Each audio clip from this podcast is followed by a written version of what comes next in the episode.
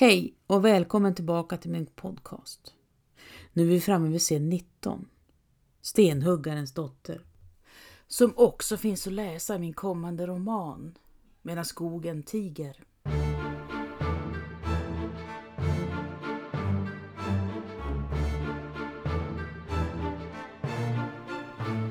Drottningen på slottet Tre Kronor, Kristina Rex av Guds nåde, fyllde 25 år samma vinter som hennes undersåte, Anna Andersdotter, föddes i Gåsgränd, några kvarter bort.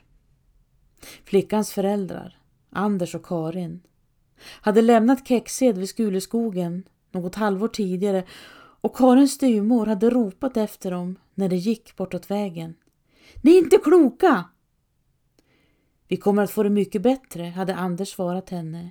I Stockholm finns det gott om arbeten. Anna föddes i ett avbalkat hörn hemma hos tegelbäraränkan Bergström, inte långt från Storkyrkan. Det var ont om husrum i Stockholm just då och änkan Bergström hade varit god nog och låtit upp en liten del av sin bostad att hyra. Anders och Karin som trott sig varit ganska ensamma om att resa till huvudstaden för att hitta arbete insåg nu att det grunden varit ett smått överilat infall. Gatorna stank och vattnet i brunnen borta vid Stortorget skiftade i brunt vissa dagar. En tidig morgon upptäckte Karin hur en gammal kvinna slängde ifrån sig ett kattkadaver rakt ner i dricksvattnet. Karin stod redan vid brunnen med spannen på armen och när kvinnan vände sig om skrattade hon lite tyst. God morgon, sa kvinnan. Det är till att vara tidigt uppe, ser jag. Karin förmådde inte svara utan vände om och rusade tillbaka mot Gåsgränd.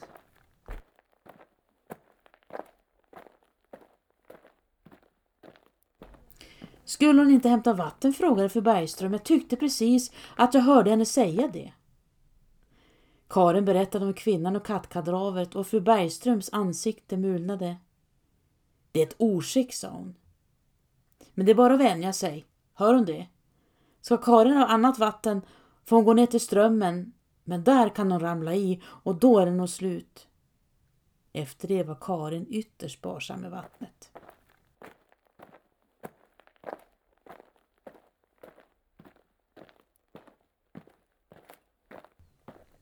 Kväll som morgon ekade stegen i trapphuset. Sover aldrig människorna i Stockholm? frågade Anders och fru Bergström log lite smått. Jo, nog sovs det, svarade hon. Men han behöver bara gå ut på gatan för att förstå hur det ligger till. Och Anders begrep. Männen som snavade vid gatstenarna nere i gränden, svor och gormade, var fler än det som gick upprätt och obesvärat förbi. Men värst var kvinnornas gråt och barnens skrik till långt in på natten. Jag vill resa hem, snyftade Karin. Jo, jo, svarade Anders. Det går inte. Inte än på ett tag. Men vad skulle vi hit och göra? Karin, det vet du mycket väl, svarade Anders henne. Anders Nilsson hade haft turen att snabbt få arbete på backen vid slottet, Tre Kronor. Karlarna sjöng och svor under arbetet. Sommaren var varm och svetten färgade deras skjortor mörka. Ljuden för verktygen som träffade stenarna klingade i luften och blandade sig med vagnsbullret, hästhovarna och måskriken.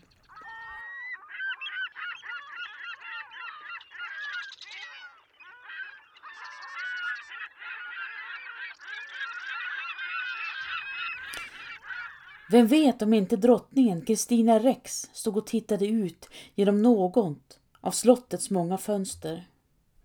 Blicken gled ned över slottsbacken och svepte över stenarbetarna.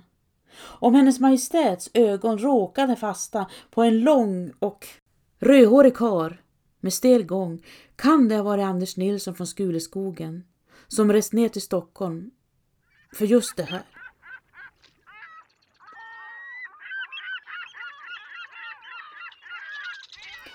Anders sneglade upp mot slottets fasad under den första dagen. Solstrålarna träffade fönstren likt guldpilar. Men när han råkade skymta en ung kvinna med mörkt burrigt hår i ett av alla dessa hundratals fönster drog han inte slutsatsen att det var drottningen. Nej, alla kvinnor som vistades uppe på slottet såg likadana ut med mörkt, burrigt hår och vida kjolar.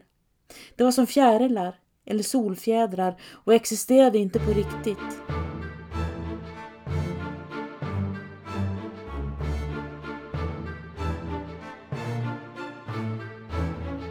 Efter första dagen tittade han inte mer utan solen låg på och bländade honom. Sedan gick ryktet. Pest hade brutit ut på Södermalm. Ett moln späckat med dynga hade återigen glidit in med södervinden. Gode Gud skona oss. Det är bara ett år sedan sist. Anders Nilsson upptäckte att färre män än vanligt arbetade utanför slottet. Men det var först när några av karlarna blev sjuka under arbetet som han började begripa. Vi borde nog resa hem ändå, tänkte han. På kvällen, när Anders Nilsson återvände till avbalkningen i Järnbergaänkans Bergströms rum, satt hans hustru på den smutsiga madrassen och höll lilla Anna i knät. Hon hade tjuvlyssnat till fru Bergströms tunga andetag och små korta kvidanden under hela dagen berättade hon för Anders men inte haft krafterna eller modet att titta till henne. Jag är en usel människa, viskade hon. En droppe från tvätten som hängde på tork ovanför dem träffade Karins panna och hon skrek. Ingenting torkar här heller. Jag vill hem! Den första frostbrytningen riste genom hennes kropp. Anders hann inte ens svara henne. Du måste se efter hur det står till med fru Bergström, flämtade Karin till honom och lade sig ner på madrassen. Jag har ingen norr kvar.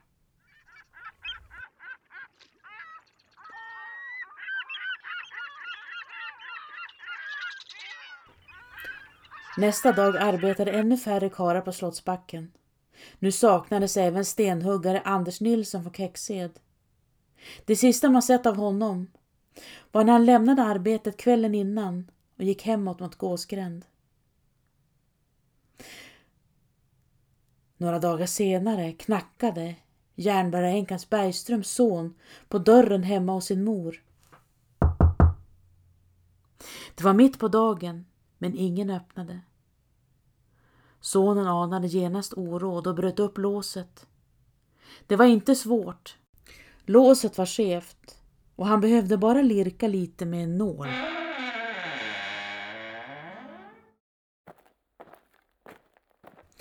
Ett par steg in i rummet möttes järnbäraränkan Bergströms son av en fasansfull syn. Hans mor satt mot väggen och bakom avbarkningen i hörnet fanns de unga hyresgästerna från norr. Mannen hade hamnat raklång på golvet och hustrun låg på hans bröstkorg. Men det värsta var nog parets lilla flicka. Hon levde fortfarande, till skillnad från de vuxna, men var så utmattad att hon inte längre orkade gråta utan lutade sig mot sin mor, kletig och skitig. Flickungen var naken och sög på en smutsig trasa. Och hon började genast skrika när järnbäraränkans son lyfte upp henne. Stanken var olidligt påträngande och järnbäraränkans son gick så snabbt han förmådde bort till barnhuset på andra sidan om bron med flickan i famnen och lämnade in den lilla utan att yppa allt för många onödiga ord.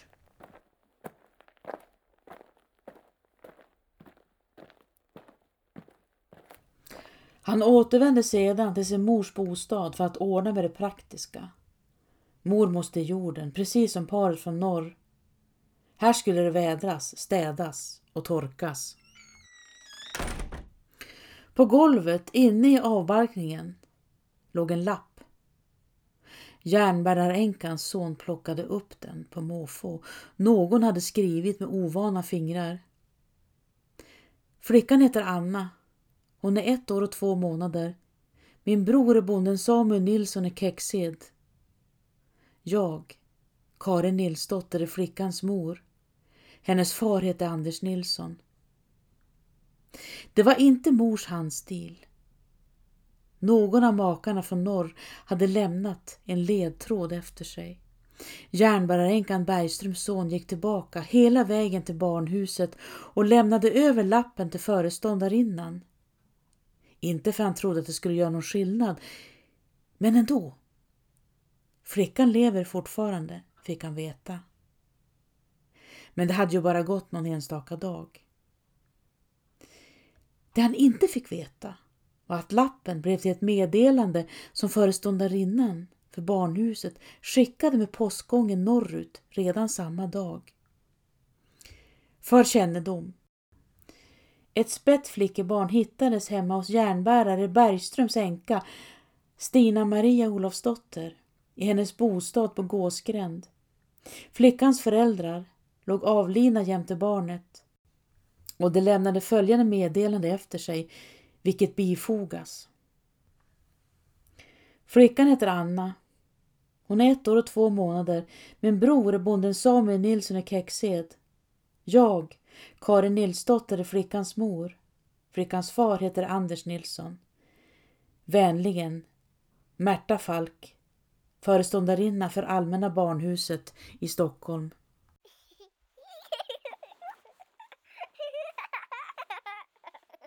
Den lilla, Anna, låg nu i en korg i rummet för småbarn. Här gick döden förbi flera gånger i veckan och varje morgon hade man det i åtanke. Några veckor passerade. Pesten dödade allt fler, men än så länge skonades barnhuset.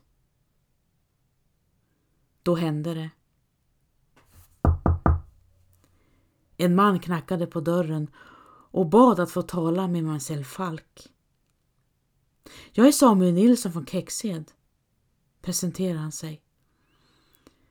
Märta Falk hade nästan glömt bort meddelandet som hon skickat norröver och tittade frågande på mannen som påstod att hans syster var mor till ett av barnhusets hittebarn.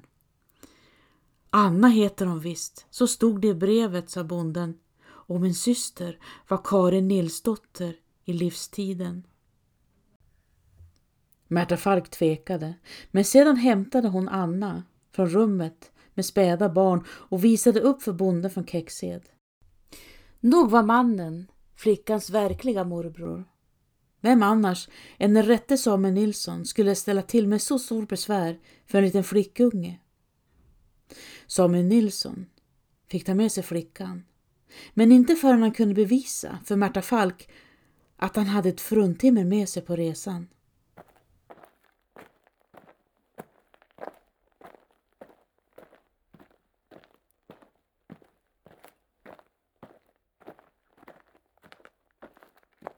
Sedan gick färden norrut. Det tog sin tid, men Anna överlevde nu också. På barnhuset i Stockholm var hittebarnet Anna snart glömd. Men i Kexed blev hon det hon faktiskt redan var. Samuel Nilssons systerdotter, Nils Erikssons dotterdotter och så småningom även Christian Nilssons hustru i Berg. Ja, Anna gifter sig med Christian Nilsson. Och även om hon känner Christian är husfolket i Berg nya för henne. Christians mor, Kerstin, blir hänförd över det hon ser. Annas ögon är det mest vidunderliga. Det rymmer hela himlen från gryning till mörk åska. Maria, yngsta dottern som nyss fyllt sex, vill ständigt gå med Anna. Kanske för att Anna förvandlar arbetet till lekstuga. När det mockar in hos korna sveper Anna med spaden i rännan och viskar Liten skit, hitta hit, rosa lull och tulla lull. Få se, låt höra, ropar Anna med jämna mellanrum. Och då ska alla som vistas i fähuset råma högt tillsammans. Och ungefär samma sak händer vid mjölkningen. Anna sjunger före Ur Liljas lena spenar faller mjölkdroppar som gyllene stenar. Stenar? Ja, vad rimmar annars på spenar skrattar Anna, inte droppar i alla fall. Koen, koen, koen, ro ho. Hedemin, hedemin, hedemin, hedemin. Anna tystnar tvärt och betraktar korna. Men Maria fortsätter några vändor till. Hedemin, hedemin, hedemin, hedemin. Brödspaden är en vagn och degen början till ny berättelse. Andra ljud klingar i berg nu. Det påminner om silverklockor men tillhör i själva verket Anna från Kexed. När hon skrattar är det som att luften jublar. Inte stort och svulstigt men i små välmenande drillar. Anna som hittades bakom en avbarkning i Gåsgränd finns nu mer i berg. Tänk om järnbäraränkan Bergströms son knackat på sin mor en dag senare. Då hade nog Anna också skyfflats ner i en anonym pestgrav tillsammans med sina föräldrar och järnbäraränkan Bergström. Om Annas mor inte hade lämnat en lapp efter sig eller järnbäränkan Bergströms son inte begripit att lämna in först flickan och sedan lappen till barnhuset hade Anna blivit ett av alla fattiga och föräldralösa barn som sov och tiggde sig fram på Stockholms gator. Stackars barn. Då skulle Anna inte finnas hos dem. Så kan man ju inte tänka, svarar Nils när Kerstin lägger fram sitt resonemang. Nu är Anna här och det ska vi vara tacksamma för. Ingenting annat.